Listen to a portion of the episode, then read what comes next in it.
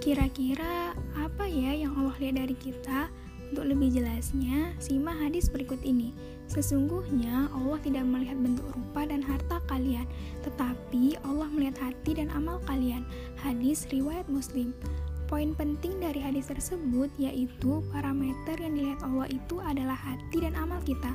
Jadi, jangan sampai kita sibuk memperbaiki bentuk fisik kita, sibuk dengan kehidupan dunia, tetapi kita lupa memperbaiki hati dan amal kita yang akan menyelamatkan kita di akhirat nanti. Jika hati baik, maka baik juga amalan fisiknya. Tapi jika amalan fisik baik, belum tentu hatinya baik, karena bisa aja ria dan mengharapkan pujian orang lain. Luangkan waktu kita untuk memperbaiki dan menata hati kita karena sangat mudah bagi Allah untuk membolak-balikan hati manusia.